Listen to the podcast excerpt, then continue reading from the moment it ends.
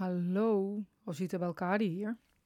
En dit is de podcast, nou ja, lekker lang podcasten. In de eerste instantie had ik deze podcast 100 dagen podcast genoemd. Dus 100 dagen achter elkaar een podcast opnemen.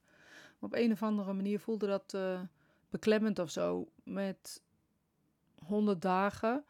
Um, stel je voor, ik vind 101 dagen leuk kan dat dan? Of 99 en faal ik dan?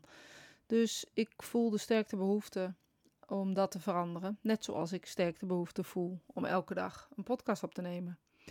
En waarom voel ik die behoefte? Uh, ik, ik weet het eigenlijk niet. Maar ik weet wel dat ik me al heel lang tegen laat houden door mezelf, door een stemmetje in mijn hoofd.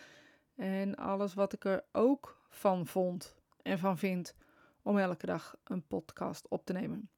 Dus de behoefte was er al, nou ja, misschien al wel uh, twee jaar of zo. En ik uh, gaf er geen gehoor aan. Want ik vond het stom. Ik vond er echt van alles van. Wie gaat er nou elke dag een podcast opnemen? Wie gaat er nou naar je luisteren? Wat heb je te vertellen? Um, nou ja, allemaal dat soort negatieve stemmen in je hoofd die dan toch de overhand krijgen. En uh, ik weet zeker dat je herkent dat op sommige gebieden uh, je snel een beslissing neemt en er ook voor gaat. En andere dingen die soms of heel dicht bij je hart liggen of zo, uh, je het dan niet zo snel doet. Nou ja, dat is dus ook de reden dat ik er heel lang op gewacht heb. En de eerste, de eerste twee heb ik dus 100 dagen podcasten genoemd. Uh, maar nu voelt het ja, beklemmend of zo. Of in ieder geval beperkend. Misschien is dat een beter woord dan beklemmend. Want ik wil elke dag door de week een podcast opnemen, zowel of zelf of met iemand die luistert die het niet leuk zou vinden om erin te komen. Um, dus ja, dag lekker lang podcasten. Past dan beter. In deze podcasten stel ik van alles uh, ter discussie, maar vooral hoe ik de dingen bekijk of misschien wel gewoon hoe mijn dag is op dat moment, uh, op die dag. En vandaag wilde ik het eigenlijk hebben met je over die behoefte. Die behoefte waarom dit ook ben gaan doen, maar waarom ik wel meer doe. Ja, ook wel in mijn mediumschap, in mijn beroep als uh, medium. Maar ook wel gewoon in mijn leven. Ik, ik probeer heel erg te luisteren naar de stroom die het leven me geeft. En daar dan ook op mee te gaan. Maar heel eerlijk gezegd, en ik weet niet of je dit herkent, heb ik nou best wel vaak een mening over mezelf of over dingen die ik doe. En dan doe ik ze niet.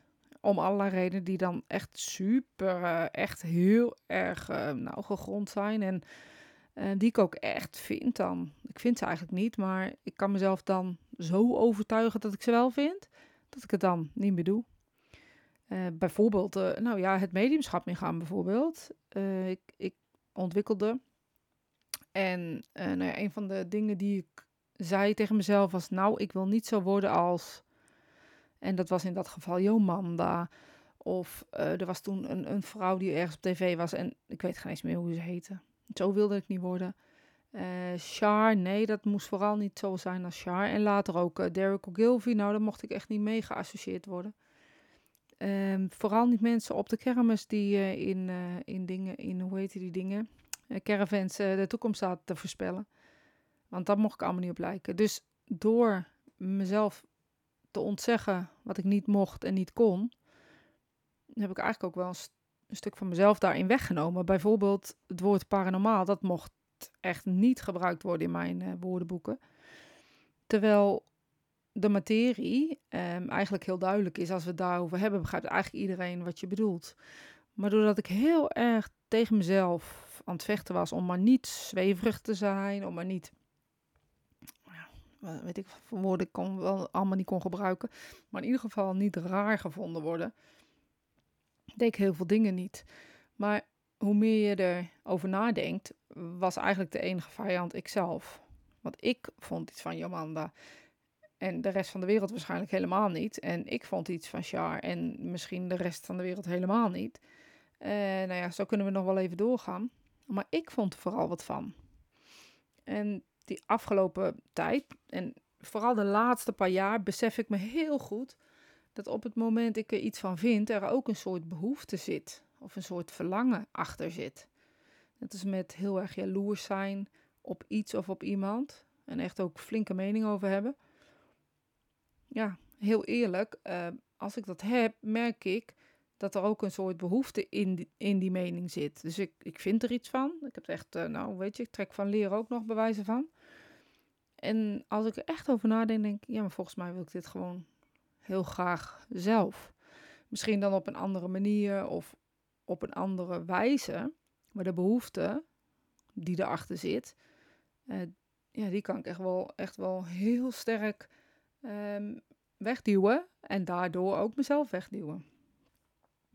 Laatst hoorde ik iemand zeggen over Max Verstappen dat hij, uh, nou ja, weet ik veel wat, uh, ik weet geen eens meer precies wat het was, maar hij was in ieder geval verwend jong. Want um, dat zijn ouders zoveel geld hadden, daarom uh, was hij wie hij was. En omdat hij, nou ja, met de gouden lepel in zijn mond geboren is, uh, doet hij wat hij doet. Nou, als ik dan zoiets hoor, dan denk ik heel vaak: oké, hij kan er echt niks aan doen hoe hij geboren is. Dat is niet aan hem. Hij kan niet, er niets aan doen dat hij in een uh, gezin geboren is waar er nu eenmaal de middelen zijn waarom hij van karten naar race kon gaan. En heel eerlijk gezegd, het talent, daar kan je nog zoveel geld hebben, maar talent kan je niet kopen. En dan kan je afvragen, ja, heeft hij ooit in zijn leven uh, kunnen halen wat hij nu had als hij geen geld had? Nou ja, dat zouden we ter discussie kunnen stellen. Uh, maar als het echt zijn talent is, dan had hij ervoor gevochten en had hij misschien tien jaar later uh, in, dat, in dat karretje gezeten. En de behoefte kan dus heel erg zijn Hè, de behoefte kan dus heel erg zijn, ik wil middelen om te doen waar ik heel erg blij van word of waar ik heel erg goed in ben. Alleen dat kan ik nu niet. Um, dus, dus daarin moet ik of harder werken of meer mijn best doen of nou weet ik van wat. Maar de behoefte die achter zo'n ja, negatieve sneer zit, want dat is het wat mij betreft, uh, die is vaak groter dan dat wat je eigenlijk zegt. Je zegt iets lelijks over iemand en het bizarre is dat het daarna ook heel moeilijk is om terug te gaan. We nemen het even terug naar het uh, paranormale, zeg maar even. Um, blauwe jurk, Jomanda, grote healingzalen in Tiel. En laten we heel eerlijk zijn, iedereen vond, en ik denk ook nog als je nog weet wie ze, wie ze, wie ze was, vindt er wat van. Uh, een Sylvia Millekamp die bijvoorbeeld um, altijd naar haar toe ging en echt mensen vonden er wat van dat Jomanda gezegd had, bla bla bla.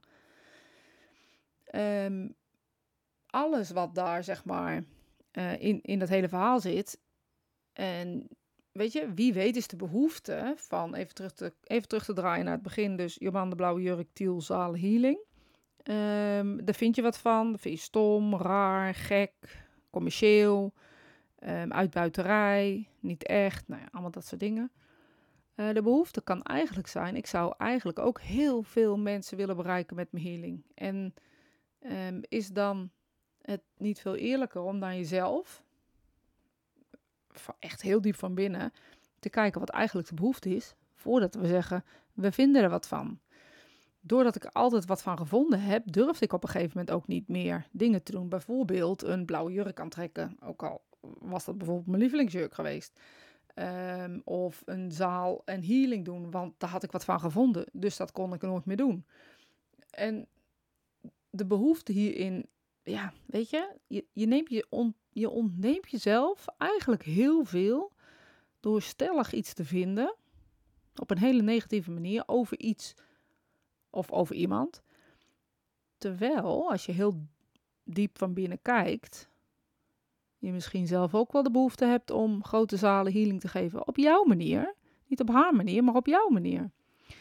En nou ja, misschien daag ik je een beetje in deze, dit moment, in deze podcast, uh, als je hier naar luistert, uit om te kijken, eh, als je ergens een mening over hebt, zit er dan soms ook een behoorlijke behoefte van jezelf achter. Bijvoorbeeld om uh, gezien te worden, gehoord te worden, of ook om dat te doen wat diegene doet dan wel op jouw manier, met alle, al jouw talenten.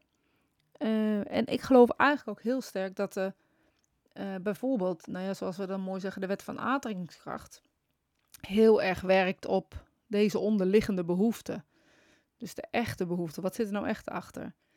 Um, nou ja, misschien is dus de wet van de aantrekkingskracht een leuke om die morgen uh, eens te doen, manifesteren. Hoe werkt dat nou? Wat vind ik ervan?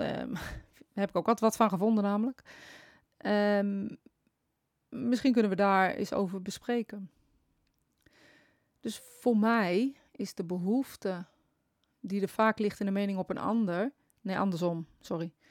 Uh, de mening op een ander, daar ligt vaak een behoefte achter. Of, een, of als je heel jaloers bent op iets of op iemand. 9 van de 10 keer ligt daar ook een hele mooie behoefte. En misschien is het universum wel die je wil vertellen welke behoefte dat is of zo. Weet je, als we het dan toch zweverig moeten trekken, laten we het dan maar zo doen. Nou ja, denk er eens over na. Is dat bij jou ook zo? En je hoeft het niet aan mij te vertellen, je hoeft het niet aan eh, de wereld te vertellen, maar kijk eens naar binnen. Zijn er dingen of zijn er momenten dat je eigenlijk flink je mening hebt gegeven en eigenlijk te later achterkomt dat het iets is wat je eigenlijk heel diep van binnen ook zou willen? En als dat dan zo is, transformeer het dan eens. Transformeer het dan eens naar iets moois. En misschien kan je kijken, hoe kan ik het op mijn manier doen? Zonder ehm, dat ik mezelf hierin tekort doe. Want je moet ook wel over een dingetje heen op het moment. Dat je er een mening over gehad hebt. Tenminste, dat heb ik. Nou, ik ga morgen met jullie praten over de wet van de aandringingskracht van het manifesteren. Maar ik ga je daar ook bij zeggen, wie weet ga ik het erover hebben. Want ik ken mezelf ook een klein beetje en weet dus uh, dat wat, wat ik morgen meemaak uh, zomaar eens uh, een ander onderwerp kan zijn. en dat ik dat dan met je wil delen. Mocht je mee willen doen in deze podcast, en dan stel ik je een vraag en praten we daar met z'n tweeën een tijdje over. ja, stuur me dan een berichtje, reageer um, onder deze podcast of kijk waar je me kan bereiken, want ik zou het heel leuk vinden om deze heel veel dagen podcasten samen met jou te doen. Tot morgen.